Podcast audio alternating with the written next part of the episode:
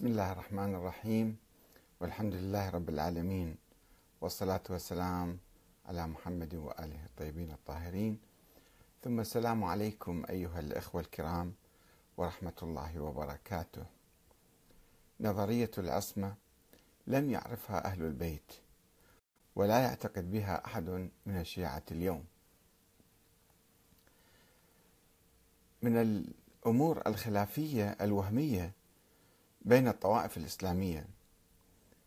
آه، هي موضوع آه، هي العصمة التي قال بها بعض الشيعة في التاريخ قبل 1300 سنة بأن الإمام يجب أن يكون معصوم وأن هؤلاء الأئمة من أهل البيت معصومون معصومون من الله.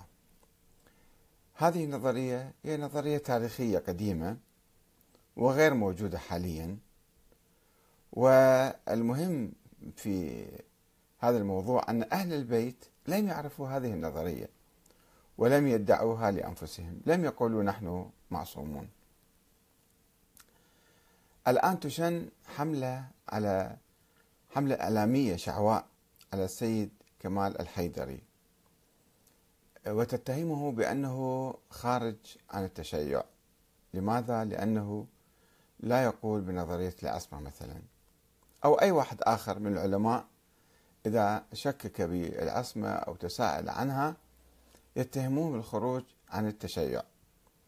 قبل يومين ثلاثة السيد كمال حيدري حفظه الله ألقى محاضرة مفصلة حول هذا الموضوع وأثبت بأن عامة الشيعة لا يعرفون العصمة يوالون أهل البيت حتى لا يعرفون أسمائهم بالترتيب. ولا ربما لا يعرفون كل أسمائهم وقال أن نظرية العصمة يعني هذه آه، مو ثابتة. وفي الحقيقة أنا كنت أتمنى من عنده أن يبحث هذا الموضوع في إطار آه، العصر الحديث أنه آه، نظرية العصمة هي مو كلام حول عصمة الأئمة من أهل البيت. والأئمة من أهل البيت معصومون أو غير معصومين. إنما هي نظرية كانت نظرية مثالية. قال بها بعض الناس المثاليين الخياليين في بصورة مطلقة وليس حول أهل البيت. يعني قالوا أن الحاكم الرئيس السلطان الزعيم يجب أن يكون معصوم. وثم طبقوا النظرية على أهل البيت وأهل البيت رفضوا هاي النظرية. الآن مثلا إذا واحد سألكم أو سأل أي واحد من الشيعة هل تؤمن بأن رئيس الجمهورية يجب أن يكون معصوم؟ يستغرب. إذا سألنا المرجع مثلا يجب أن يكون معصوم؟ يقول لا لا يجب أن يكون معصوم. يكفي يكون عالم عادل. هذا هو يعني المهم.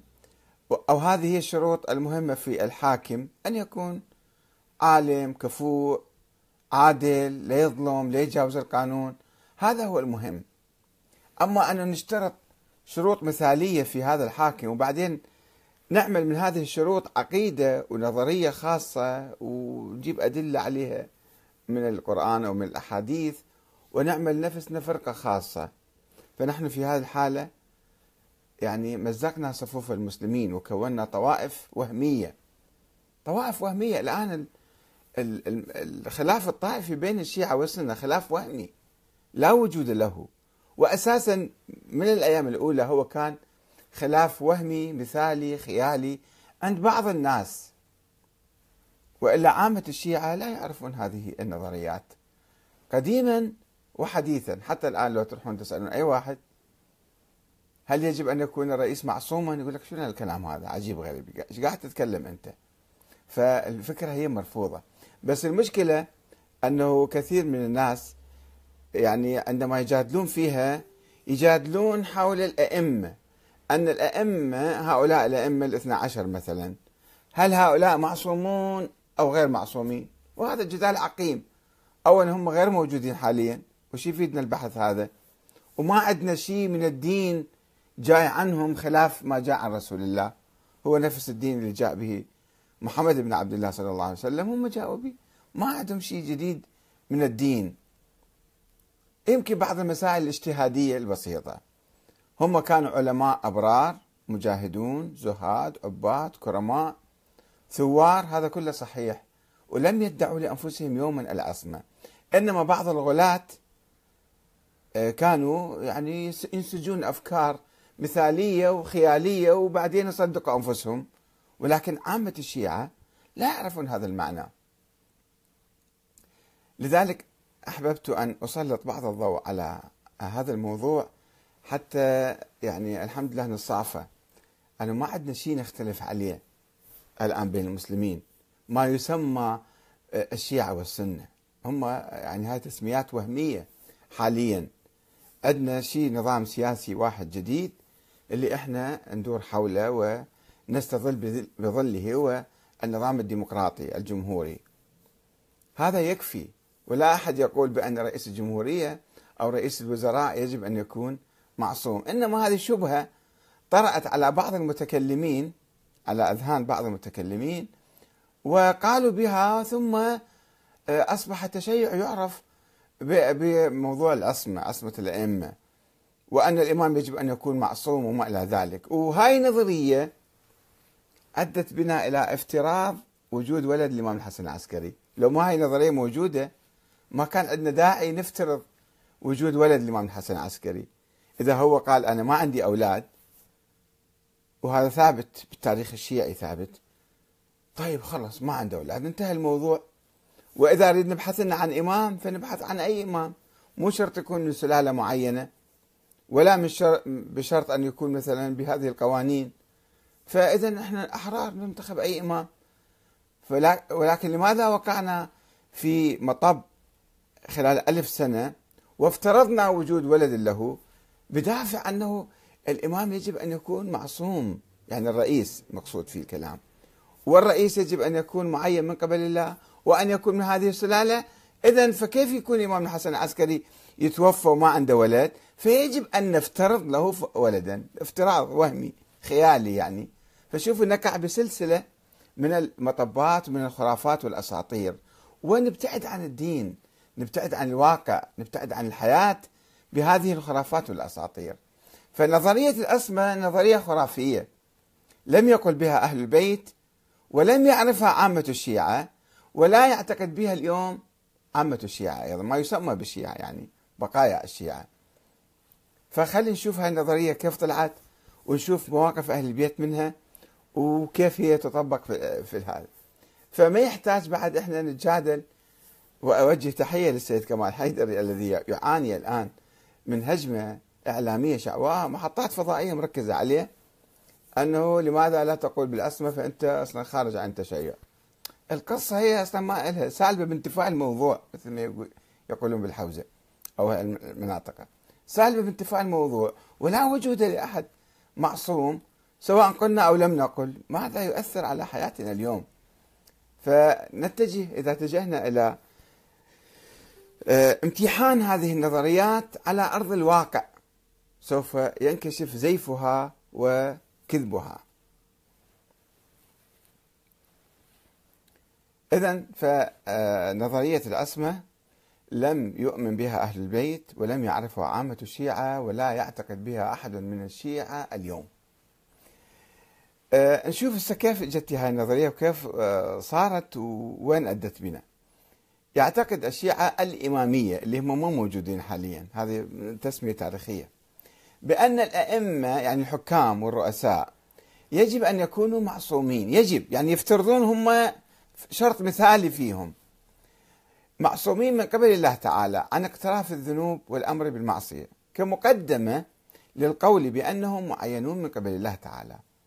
وذلك بناء على مبدأ الإطلاق في طاعة آه، آه، في الطاعة لولي الأمر في الآية الذين آمنوا اطيعوا الله وأطيعوا الرسول وأولي الامر منكم.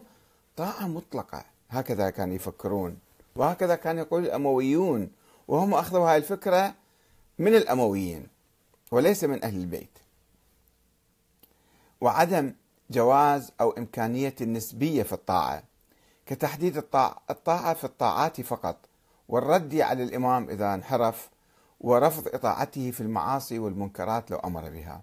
والأخذ على يده عند ظهور فسقه وانحرافه سقطوا. وهو المبدأ الذي كان الحكام الأمويون المنحرفون يدأبون على ترويجه ومطالبة المسلمين بطاعتهم على أساسه طاعة مطلقة في الخير والشر. وهو ما أوقع المتكلم الإمامية في شبهة التناقض بين ضرورة طاعة الله الذي يأمر بطاعة أولي الأمر في الآية الكريمة وضرورة طاعة الحكام بصورة مطلقة حتى في المعاصي والمحرمات.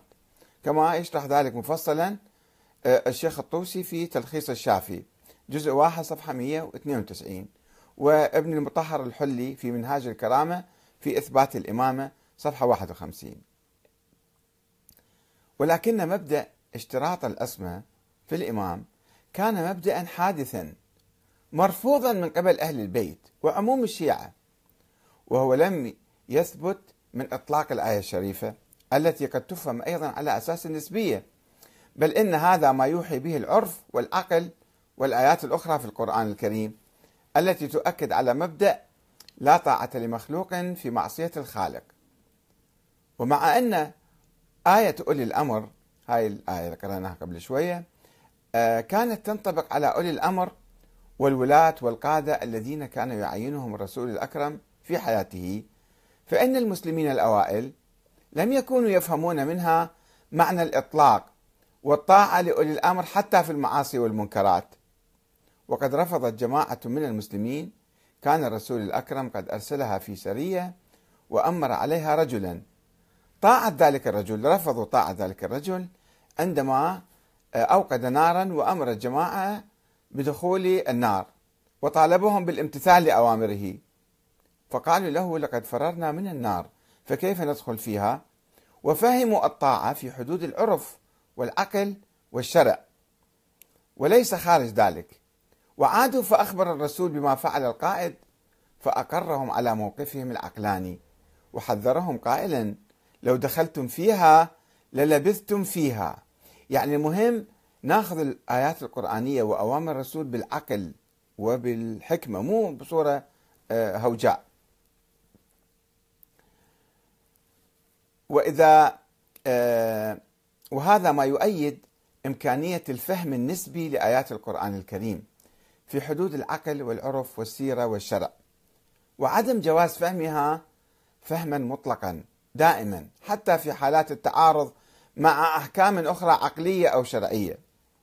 وإذا انتفى الإطلاق وثبتت النسبية في الطاعة لأولي الأمر لا تبقى حاجة إلى اشتراط الأسمى في الإمام. ويمكن للمسلمين لنتكلم بصورة عامة الآن نظرية عامة هي. ويمكن للمسلمين انتخاب قائد لهم على أساس العدالة الظاهرية والتقوى والكفاءة ليطبق لهم الدين ويأمرهم بالمعروف وينهاهم عن المنكر. وإذا انحرف هذا القائد يعني الإمام فإن لهم الحق في عصيانه ومخالفة أوامره وإسقاطه عن منصب الإمامة ولا طاعة له من الله في أعناقهم. ولكن المتكلمين الإمامية رفضوا النسبية رفضا مطلقا وأصروا على مفهوم الإطلاق من الآية وبنوا نظريتهم في الأسماء على هذا الأساس. ثم أقاموا سائر المقولات على قاعدة الأسماء. بعدين قالوا كيف نعرف المعصوم؟ إذا لازم الله يعينه. فالإمام مو ينتخب من الناس إنما ينزل من السماء. الله يعينه لازم.